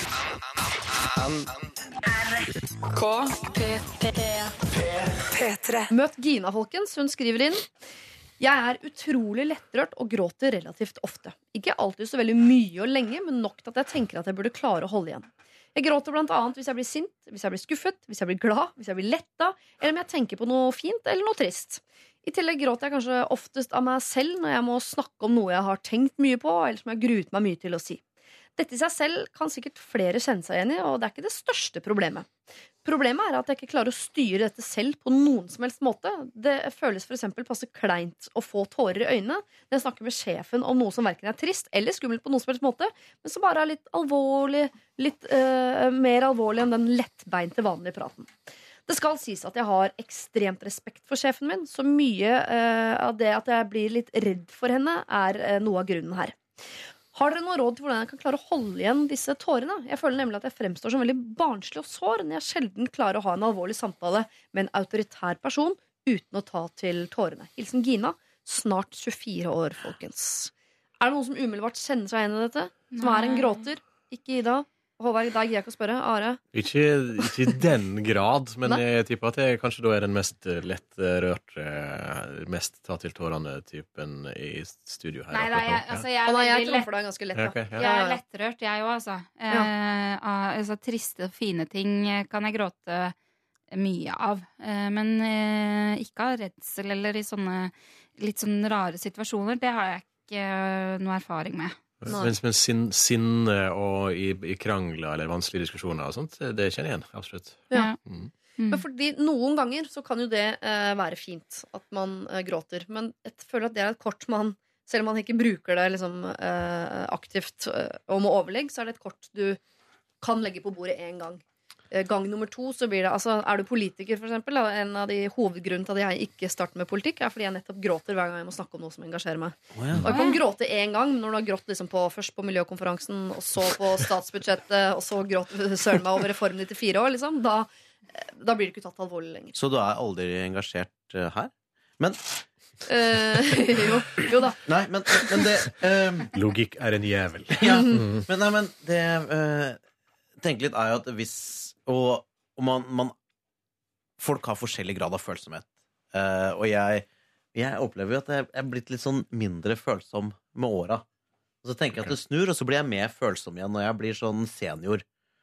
Ja, for jeg tenker at du er mer følsom nå enn du har vært tidligere. Men uh, Jeg? ja, Sånn som du opplever meg? Ja. Å ja. Mm. Mye mer sårbar nå enn for uh, fem år siden. Det liker jeg å høre. Ja. Uh, men, uh, men, jeg, men jeg har jo vært i, i forhold, og, og så kommer man opp i situasjoner, og så er det et eller annet som kanskje den andre ikke er fornøyd med, med meg eller livet, eller Og så Og så blir det gråt, da. Ja. Og jeg har også grått. Ikke så mye, må jeg innrømme, men jeg har grått. Og så, men så når den gråten kommer, så er det sånn Jeg husker de første gangene jeg, jeg hadde en partner som gråt. Og jeg følte meg som verdens verste menneske. Jeg tenkte, hva, Hva er det med meg? Hva er det jeg gjør? Hvordan kan jeg være så grusom at jeg får dette, dette, denne andre skapningen til å gråte? Hvorfor er jeg sånn? I starten så var det veldig sånn. Men etter hvert som tårene kommer og kommer, så blir det mer sånn du, altså, Hvis du trenger å grine, så, Mm. så, så må du gjerne gjøre det. Ja. Eh, men det er ikke Men så Kan dette legges over på sjefen til Gina? At sjefen antakeligvis i begynnelsen står og tenker jeg er et grusomt menneske, men etter hvert så kommer hun til å gi F? Jeg tror sjefen tenker at det er litt rart at hun gråter. ass. Jeg Ja, det tror jeg òg. eh, Nemlig, jeg- dessverre. hun gråt, det virker som hun gråter utrolig mye av alle de tingene hun ramsa opp. Og bare en alvorlig prat med sjefen, så gråter hun. Jeg tenker at det, For meg ville jeg følt det som et liksom såpass eh, stort problem, da, eller såpass hemmende at jeg kanskje ville Det fins jo helt sikkert noe sånn profesjonell hjelp man kan få. Eh, F.eks. psykolog, da, eller noe lignende. For at det ikke deprimert eller noe sånt, men bare sånn det fins sikkert noen triks og tips som vi ikke kan. Eh, Jeg ville faktisk gjort det, da, for jeg hadde følt at det hadde vært veldig usikkert å være meg, og du veit ikke når tårene kommer. Men det fins helt sikkert teknikker man kan bruke for å Det må finnes sånne teknikker. Altså. Man trenger ikke Ja. gå psykolog. Men det Nei, en nei, teknikk. Eller kanskje hadde Linnea Myhre vært her, så hadde hun sagt gå til hypnose. da. Mm. ja, altså Et eller annet sånn, da. Google. Google. Google eh, tipper jeg har lesing på dette. Eventuelt si til sjefen kan vi ta dette på e-post. Ja. Kan vi gjøre alt på e-post? ja, Eller på Skype. Det kan hende bare det at man gjør det eh, via en maskin, gjør at det tar bort noe av det eh, men som det, gjør at det er jo kommer. bare å ut, altså, Ja, det, utsette det, jeg problemet. syns ikke Du- det er gangbart. Altså, du må komme, du må lære deg dette her. Du må lære deg å kunne kommunisere profesjonelt med mennesker i en arbeidssituasjon. Men du, det er ikke sikkert psykolog er så far-fetched. Det kan jo være en grunn til at hun er så emosjonell. Altså, jeg mener, Det vet jo ikke vi. Nei, det er sant. Hvis det ligger noe grums der. Det kan jo være det. eh, Men jeg bare mener altså, Jeg jeg vet ikke om man kan google det. Er det så vanlig? Men Arne, Men du altså, et er jo eller annet- sjef. Overfølsomhet. Ja, overfølsomhet. Du er jo sjef hele tida. Are? Er det?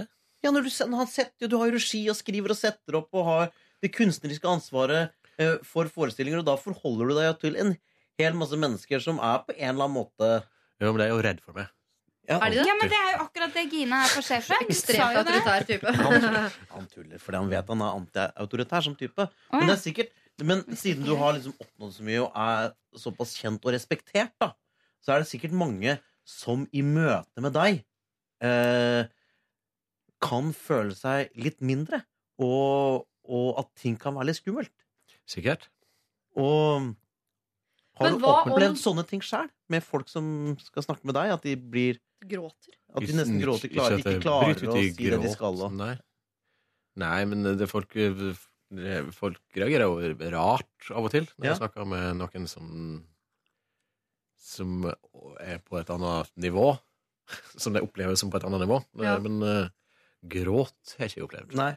Nei, Jeg tror vi skal være enige med at det Gina opplever her, er problematisk. Fordi i verste fall så blir hun ikke tatt alvorlig av sjefen Nei. sin og kommer ikke til å kunne liksom stige gradene hvis det er den karrierevei hun hadde sett for seg. f.eks. så kan, det er det eneste forslaget jeg sånn opp av hatten klarer å komme på her og nå, er å si dette til sjefen. Jeg har et problem som gjør at jeg, jeg Og hun kommer til å gråte når hun tar ut dette, selvfølgelig. Men, eller skrive dette i en mail, i hvert fall. da. Ja. Jeg gråter veldig veldig lett når jeg er engasjert, når jeg er trist, når jeg er glad i det hele tatt. Mm. Eh, sånn at de, de, hvis de har en dialog på det, så kanskje de kan le litt av det neste gang hun Ja. gråter. Og så neste gang der så kanskje gråten er borte. At man tar litt hull på den der byllen på en eller annen måte. At Så- man får noe humor rundt det. Ærlighet, rett og slett. Ja, det syns jeg er et kjempegodt råd. Og så I tillegg til å få litt bukt med det på generell basis. Da, for sånn jeg leser det, så er det jo ikke bare inne hos sjefen det er et problem. Men akkurat i forhold til det med sjefen syns jeg det var et veldig godt råd. Bare si du, vet du hva, sorry, sånn er jeg. Det er litt rart, men jeg får ikke gjort noe med det. Så det er ikke fordi eh, det er bare inne hos deg. Det skjer overalt. Det skjer i For det er ikke et Liksom. problem at hun gråter når hun ser på film, Nei, eller når noen vinner i OL, eller Jeg mener at i de fleste situasjonene hun beskriver, så er ikke dette her et problem. I Nei. mange av det er det faktisk noe fint.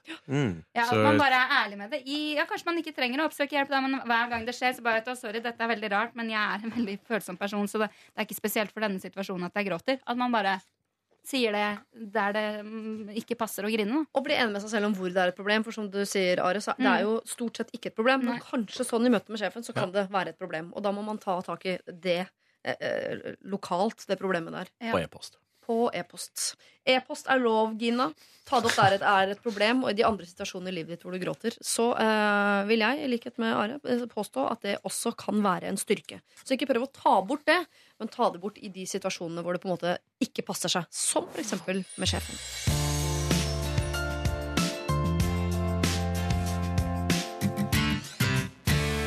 Vi skal eh, til en som heter Vilde, som kaller seg selv en syver på konfliktskyhetsskalaen. Og for dere som ikke er kjent med skalaen, så går den fra én til ti. Der ti da er man ekstremt konfliktsky.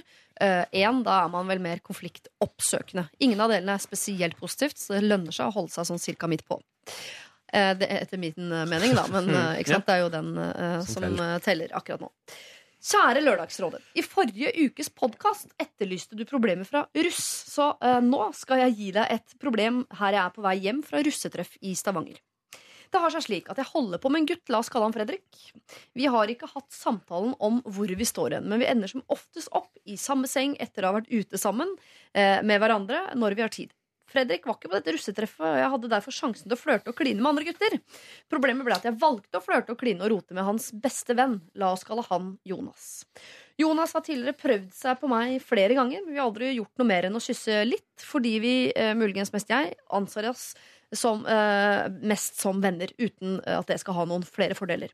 Vi var begge veldig fulle, som eh, veldig trolig er grunnen til at det i det hele tatt skjedde. Skal jeg fortelle Fredrik at jeg gjorde rota med Jonas? Og hadde jeg i så fall kommet unna med det, i og med at vi ikke er et par ennå? Hvis ikke, skal jeg alliere meg med Jonas for å forsikre oss om at dette får Fredrik aldri vite. Jeg liker jo gutten og har ikke lyst til å ødelegge følelsene han har for meg. I tillegg kan det kanskje skade vennskapet deres. Så hva skal jeg gjøre, så er det Lørdagsrådet, for å gjøre det mest mulig smertefritt. Hilsen Vilde, da, syver på konfliktskyhetsskalaen. Gjør det mest, mest mulig smertefritt. Da tenker jeg at her skal vi ta hensyn til at det skal være smertefritt for Vilde. Det skal være smertefritt for eh, eh, Fredrik, og det skal være smertefritt for uh, uh, Hva var siste navnet nå, da? Jonas. Jonas. Jonas. Det er tre hensyn egentlig å ta her i dette problemet. Oi. Hvem skal vi ta mest hensyn til her? Vilde, Jonas eller Fredrik? Fredrik. Fredrik, ja. Han har jo ikke gjort noe gærent, stakkar. Så vidt vi i hvert vet. fall. Mm. Eh, Men har Mm. Vi er jo litt over på altså Vi har hatt dette problemet fra andre siden i dag. Det, det er derfor jeg holder Nå meg er litt i vi bakgrunnen. midt inne i dette Ja. problemet som vi snakket om på avstand i stad. Mm. Eh, og til deg som ikke er har hørt det, spent. så bare gå tilbake i podkast eller nettspilleren, så finner du det der. Spent på hva folk sier. Ja, ja for her Her, jeg husker ikke det problemet i stad. jeg. Nei, jeg for må du kanskje er vite hva jeg sa mye mindre tydelig nå, nemlig, Mm. enn det du var i stad. Det var dette bokollektivet hvor uh, Susanne har fått seg type, og det vet uh, Anders og uh, Emilie, eller hva hun het, det vet de om, Mm, mm, mm. og så videre. Og, da, Og din holdning var klokkeklar. Sida Si Fladen. Mm. Si Men hva ifra, var, hva, var, hva var ordbruken om forholdet mellom Vilde og Fredrik igjen? Holder på med? Ja, ja, de har ikke hatt Holder på med like samtalen. hverandre, men har ikke hatt den svære praten Nei, ikke om Så de er ikke Ja. Er kjærester. kjærester, Så det er annerledes eh, sånn sett, da. Men det som gjør det verre Hvis du bare da hadde klina med en eller annen fyr på Rustreff, hold nå for guds skyld det for deg selv. Ikke la Ja. det ødelegge. Men det er bestekompisen. Mm, Ja. mm. Ifølge dere så må han jo si det. Ja, ifølge dere så er det totalt uh, Nei, altså, fordi det er forskjell fra at man er kjærester og bare ligger litt med hverandre på Ja, men fylla. hvis hun skal bli kjæreste med Fredrik, Ja, så må Fredrik eh, vite at hun har holdt på med Jonas. Til din glede, Ja. Håvard, Ja. så mener jeg at hun bør si det. Når det, når det har blitt kjærester, så bør hun si at men, du, Sørg for å dra den i land først, så hun ligger dau på, på flata der, og så sier du Det er jo uansett om hun, som hun spør om hun skal alliere seg med Jonas eh, om å da ikke si det. Så er det alltid en viss fare for at noen andre har fått det med seg, og han får vite det bakveien, og det er ikke noe koselig. Og da blir det et større problem hvis hun sier sånn Du, jeg er ikke stolt av det her, og jeg angrer litt på det, og jeg vil ikke sette liksom, det vi, den greia vi har, i, i fare, men jeg føler jeg burde si det til deg. Eh, det skjedde. Det, det føler jeg Er det en sånn liksom, som, fort kan bli eh, mye større enn det strengt tatt er, hvis du venter med å si det? For det- Nettopp. Eller at noen andre sier det. Mm. Eh, Jeg skal gjøre dette problemet verre enn det allerede er, Ja. ved å slenge i eh, bordet en eh, mening som jeg har ganske sterkt i meg, nemlig at dette her, uh, dessverre, Vil- Vilde, her har du fucka opp for deg sjæl og for Fredrik og for Jonas. Her, Mm. det, nå har dere ødelagt alt sammen. Jeg kan si at jeg, eh, Min kjæreste for mange år siden uh, kysset visstnok så vidt med en jente på russebussen i ti sekunder før noen vekta han og sa 'du kliner med', og så sluttet de, og han var veldig lei seg, sa det til meg med en gang. Jeg tilga han, og var sammen i 100 år etterpå det.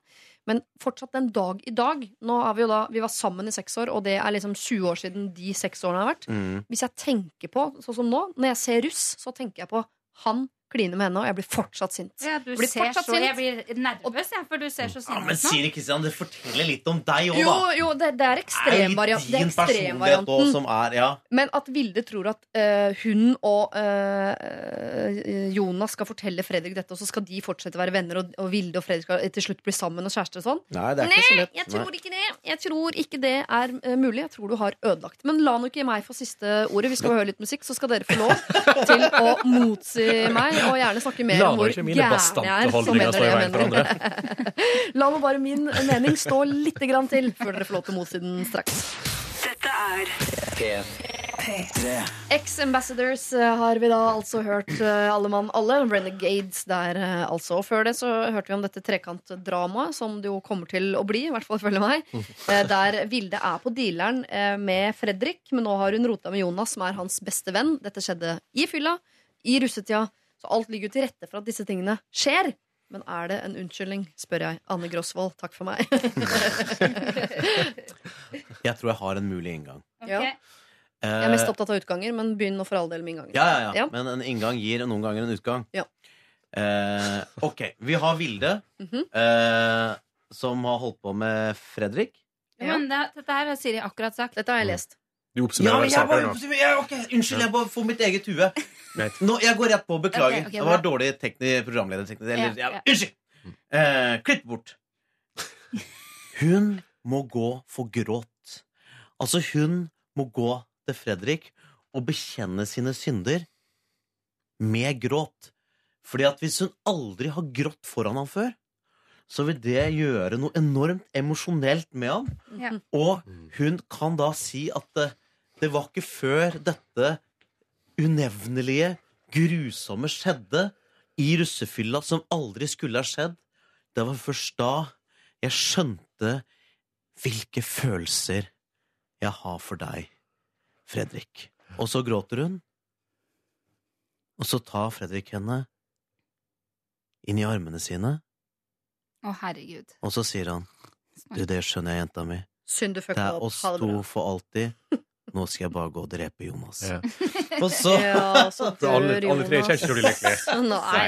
Nei. Men e egentlig, vi, vi vet vel ikke om Vilde er sånn veldig forelska i Fredrik. Hun, hun sa ikke noe om det, så jeg har ikke lyst til å ødelegge det vi Hun er ganske forelska, skjønner du. ja, Ja. altså, hvis hun er det, så er nok det god løsning, det du kom med der, Ja. eh, Håvard. Mm. Eh, legge seg helt flat og være ordentlig lei seg. Mm. Det Det er gøy jeg- du nevner for jeg har gjort akkurat det rett etter at min type klina med en annen, og han var russ. Så klina jeg med en annen og gråt og fortalte det til han. Ja. Og det tilga han med en gang. Det gikk helt fint. Så det er bare jeg som er fucked. Så jeg ser at man kan se forskjellig på det.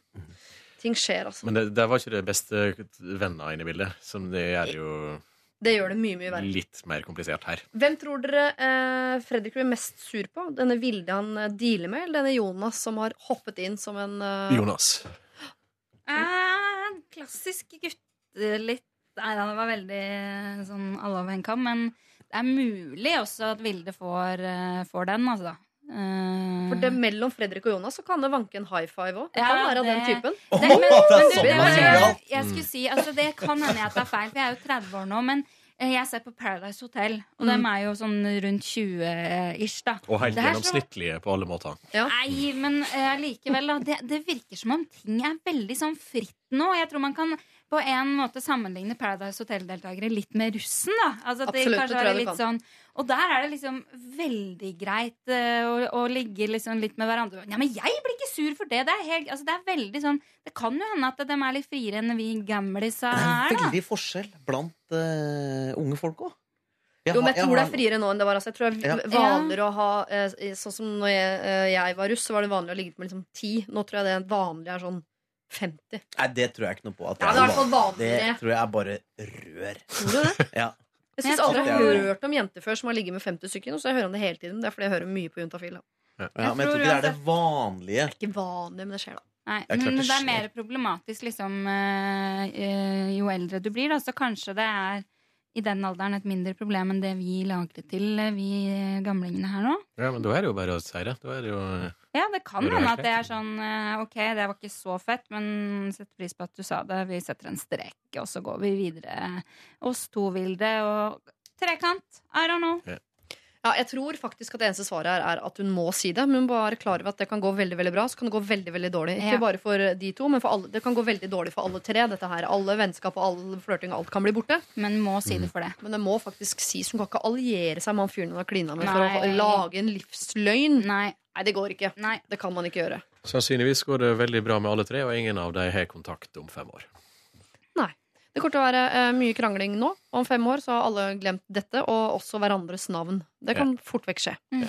Jeg syns synd på deg, Vilde. Det her er det bare noe eh, irriterende som bare skjedde der og da, og det skal ikke ha noe å si og blæ, det blæ og alt dette her.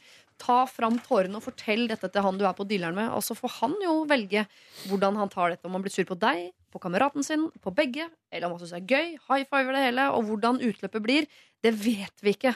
Men at du må fortelle det, det er vi helt klinkende enige om her i Lørdagsrådet. Dette er Er P3. Vi skal eh, til et uh, nokså alvorlig problem, som jeg tror er et problem som veldig mange unge sliter med, om ikke nødvendigvis akkurat i denne formen, så noe à la. Det er Lea, 18 år, som skriver inn. Siden jeg var 13 år, har jeg slitt med spiseforstyrrelser. Det har fungert på litt forskjellige måter, men jeg har både sulta meg og tidvis prøvd å kaste opp, noe jeg aldri fikk ordentlig til. Jeg har alltid trent veldig mye, og det har gjort eh, foreldrene mine glade at jeg har trent flere ganger hver dag. At jeg ikke spiste noe særlig mellom treningen, visste jo ikke de noe om. Jeg har dessuten vært mye syk fordi eh, jeg har presset meg hardt. I år er jeg på utveksling i England, hvor ingen bryr seg verken om trening eller kost kosthold, og jeg klarer for første gang å se hvor sykt det jeg har holdt på med, var. Jeg pleide å stå opp midt på natta for å løpe, siden jeg syntes jeg var for tykk til å sove. Det er veldig bra at jeg endelig klarer å slappe av mer rundt kroppen min, men jeg vet at hver gang jeg er hjemme på ferie, så har de vonde tankene kommet tilbake igjen. Foreldrene mine er prestisjefolk i toppstillinger som forventer hardt arbeid og hater klaging. Så jeg har aldri fortalt til dem om dette tullet som jeg har holdt på med, fordi jeg ikke vil at de skal synes at jeg er svak. Her i England tenker jeg likevel at jeg kanskje burde starte å gå til en psykolog eller noe når jeg kommer hjem, nettopp for å unngå å havne tilbake på mitt gamle spor. Skal jeg fortelle foreldrene mine hva jeg sliter med, slik at de kan hjelpe meg og kanskje betale for denne psykologen? Motivasjonen min for dette handler hovedsakelig om at jeg vil ha forståelse og hjelp også hjemmefra. Jeg vil også ha hjelp fordi det er slitsomt å hate sin egen kropp. Eh, Spesielt er det viktig for meg at pappa, som er vant til at jeg trener hele tiden, ikke skal pushe meg til å trene hver eneste dag når jeg vet at det faktisk ikke er noe jeg trenger. Hilsen Lea, 18 år. Åh, ja. åh, det, foreldrene der hørtes ikke noe ålreit ut. Nei. Hvis det er noen foreldre som applauderer at tenåringsdattera si trener flere ganger om dagen Unnskyld meg, de varselslampene burde jo blinke så det holder. Det synes jeg ble litt trist av det. Syns det hørtes ut som eh, ikke eksemplariske foreldre, rett og slett. Men det, det, det som jeg opplever ungdomskulturen nå, i forhold til som den var, at den er så ekstremt mye mer sånn delt. At, det, at du har de som bare som driter i alt, eh, og kjører party, eh, og som koser seg. Men så har du de som presterer, og de som presterer, de er blitt enda mye mer opptatt av å prestere. Ja, ja. Eh, altså på skole, på trening, på hvordan man Ja. er. Ja, det er helt Eh, vilt. Det er helt vilt. Jeg føler at det er flere av de enn de som slapper av. Jeg føler ikke at det er så veldig delt. Jeg vil si eh, 80-20, hvor 80 er opptatt av å være vellykka på alle mulige måter. Men det er fra mitt hode, da. Men eh, vi må jo si til Lea at det er jo veldig fint at du liksom nå ser det litt på avstand og ser at det du har holdt på med, ikke er bra. Det må jo applauderes, og det er jo kjempebra. Da har hun kommet veldig langt allerede. Det er trist den dagen man skjønner at man har kommet litt lenger enn foreldrene sine. Hun har skjønt noe de ikke skjønner. Ja. Det er så trist at, du- at du liksom er i England, og så kan du slappe av, kose deg, Mm, mm. ta ja, hun er 18, altså, men altså, ta en pils på kvelden, da, henge med, altså bare ha det litt digg, liksom. Men med en gang du kommer hjem til Norge, Mm. så må det bare være perfekt. Mm. Er ikke det trist? Veldig trist. Kjempetrist. Men Foreldrene her vil jo potensielt bli knust hvis det kommer en 18 år gammel jente hjem og sier eh, det hun på en måte sier. Jeg trenger ikke å si det så slemt, da, men når jeg kommer hjem til det som skal være min trygghet, og det stedet som skal lære meg å eh, å gi meg de rammene jeg trenger for å bli et bra menneske og få et godt liv, Mm. så går alt til helvete. Mm. Det er først når jeg kommer til et annet land enn der mamma og pappa bor, at mitt liv faktisk begynte å bli litt bra. Hun trenger ikke å si det sånn til foreldrene sine, men eh, jeg vet, ikke, eh, jeg vet ikke hvorfor jeg sa det engang. Jeg bare har lyst til at de foreldrene skal vite det, som en litt sånn slag i trynet. Ja, det er selvfølgelig en, en stor grunn til at det kommer til å være mye vanskeligere for henne å slippe taket og ta en pils på kvelden når hun kommer tilbake til Norge, enn det er nå. Og Derfor så syns jeg også det høres klokt ut å snakke med noen andre enn en enn foreldre eh, om dette her. Og gjerne en profesjonell, og det trenger vel ikke å koste penger som foreldre må betale hvis hun har den typen problem som hun beskriver her, og snakker med det offentlige helsevesenet. Det var jo brått ikke. eh, noen måneder det, da, vet du, før du Det får gjør det. det. Så det er jo derfor mange går privat. Men Mhm. hun sier jo, for jeg hadde også tenkt å si det, at ikke ta det med foreldrene dine, for at jeg syns ikke de hørtes snålete ut. Men hun sier jo på slutten her at hun ønsker å ha den støtten hjemmefra. Hun ønsker i hvert fall ikke å ha den pushinga fra far som sier sånn 'Jeg skal ikke stå opp om natta og trene litt igjen, da? Jeg tror ikke han sier det, altså. Jeg gjør han verre enn han er nå. Men, jeg, eh, men nå har jeg masse hevn i meg. Jeg syns at foreldrene skal være klar over hva for en elendig drittjobb de har gjort som foreldre. Mm. Det syns jeg de eh, skal få lov til å høre en eller annen dag. Mm. Men det er kanskje litt for mye for Lea 18 å si til dem. Ja, men trenger ikke å si det så mye, men de skjønner det sånn. Jeg må, pappa, kan jeg få penger til å gå til psykolog? Tenker sånn, ok, datteren må gå til psykolog. Vi har gjort et eller annet som ikke er helt riktig som mor og far. Ja. Vil Og enhver hvis mor og far tenke, hun tror jeg. sier at de er prestisjefolk, så de er sikkert kanskje da opptatt av en litt sånn perfekt fasade. Så da øh, vil jo de, altså hvis hun sier at hun sliter og har spiseforstyrrelser og blædi, blædi, blæ, så kommer jo de til å bare punge ut, de. Ja, det vet. Eh, jo, tror du ikke det? Jo, sikkert. Altså, kanskje, altså, Prøv å fortelle det. Altså, fortell det, Se hva slags støtte du får. Og man vet jo aldri, det kan jo hende at de eh, gir en støtte og er forståelsesfulle. Mm. Hvis ikke, så ta i hvert fall eh, pengene og gå til psykolog og få hjelp der. Det er i hvert fall ikke noe tvil om at Lea skal til psykolog, fordi det er ikke meningen at man skal ha disse konfliktene, og det kan bli bedre med hjelp. Kanskje du skal skal bli ganske Lea- lenge i England?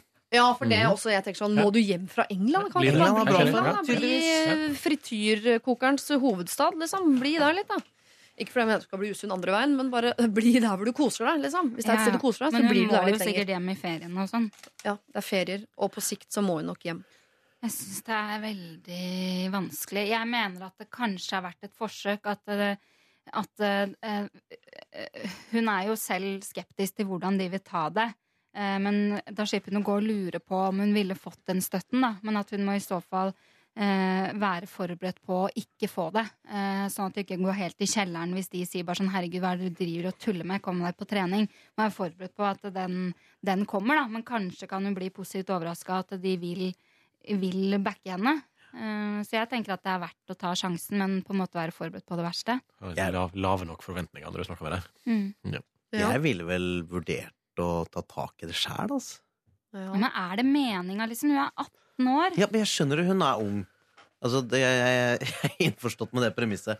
Men på en eller annen måte, hvis, hvis du har hatt en oppvekst der du føler at veldig mye har dreid seg om prestasjon, Mm. eh, og at det har påvirka deg i negativ retning eh, når det gjelder både kroppshysteri og andre ting eh, Er ikke da greit å ta problemet litt bort fra de som eh, har vært en del av grunnen til det? Og så begynne å bearbeide det på egen hånd med andre folk. Kanskje andre folk som er et sted der ikke det fokuset er så ekstremt. Eh, Jeg mener det er et så, alternativ, men det hun gjør ved å velge det alternativet der, er å gjøre avstanden mellom seg og foreldrene enda større enn den er. Og jeg sier ikke at den ikke blir det uansett, for hun må være forberedt på at de sier eh, 'kom deg på tredemølla, jenta mi', og da blir den avstanden stor uansett. Men der har hun i hvert fall muligheten til å komme nærmere foreldrene sine ved at eh, kanskje mor og far, eh, en av de eller begge, tenker, våkner litt og tenker 'herregud, hva er det du har drevet med', selvfølgelig skal vi støtte deg i dette. Mm. For man, kan, man vet ikke om disse foreldrene bare er komplett udugelige, eller om de eh, ikke har skjønt helt hva de driver med, og trenger ja. en liten oppvåkning. Ja. Ja, og så tenker jeg at uh, det, det med økonomien også, faktisk, som jeg sa i stad. Fordi hvis du skal ta det gjennom det offentlige, det er et kjempeproblem. Det tar lang tid. Det må via, via, via. Mm. Eh, um, så det, det, hvis, hvis hun nå liksom bare OK, jeg trenger hjelp, og er på det stedet nå, så kan det være det er veldig synd, men at det eh, beste er å, å da gå privat, for da får du time med en gang, og da trenger hun jo den økonomiske støtten fra foreldrene sine. Ellers må hun vente kanskje opp til et halvt år. Og det er sånn når, man, når hun først er på et sted hvor hun er eh, klar for å søke hjelp, så mener jeg at hun fortjener å få det med en gang. Ja, men jeg, men jeg tror ikke liksom bare, det handler bare om psykolog og foreldrene hennes. Dette handler jo også om at hun har jo et sted hun er, som er et slags fristed ofte, der, der det er bra. Og jeg, jeg tror eh, at uh, veldig mange mennesker, voksne mennesker, har en eller annen bagasje uh, der man lett kan tenke at du, de foreldra mine var ikke idealforeldre. Uh, det tror jeg er en kjent problemstilling for mange nordmenn. Mhm. Eh, og så er det også lett da å gi foreldrene skylda for det som er dårlig i livet ditt. Og noen ganger, du, så kan det være reelt at de har mye av skylda. Men jeg tror samtidig at ved å jobbe seg litt ut av det aleine, så har du også en mulighet til å bli litt mer selvstendig. Og også komme dit at du sier at du Det var ikke alltid min oppvekst som var ideelt. eh, og det, er det mange som opplever, altså. Eh, men jeg satte i gang- en prosess. Jeg kom meg videre.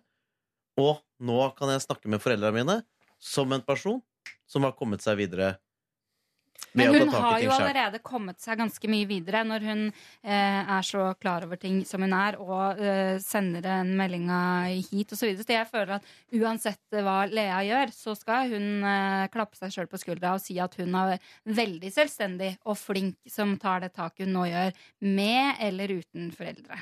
Det. Bringer et alternativ på bordet som er hvis hun har andre hun kan Har hun kanskje en tante eller en onkel eller en bestemor eller sånn som hun kan gå til, eh, spørre om å få låne penger eller få penger, og så gå til psykolog til hun føler seg klar for å ta den fighten med foreldre. For jeg er enig i at Mm. man er 18 år, man er sårbar, det kanskje litt vanskelig å, å ta liksom oppvask med mor og far, men kanskje hun skal eh, bearbeide det en stund, og så kan hun ta den oppvasken med mor og far når hun er klar for det.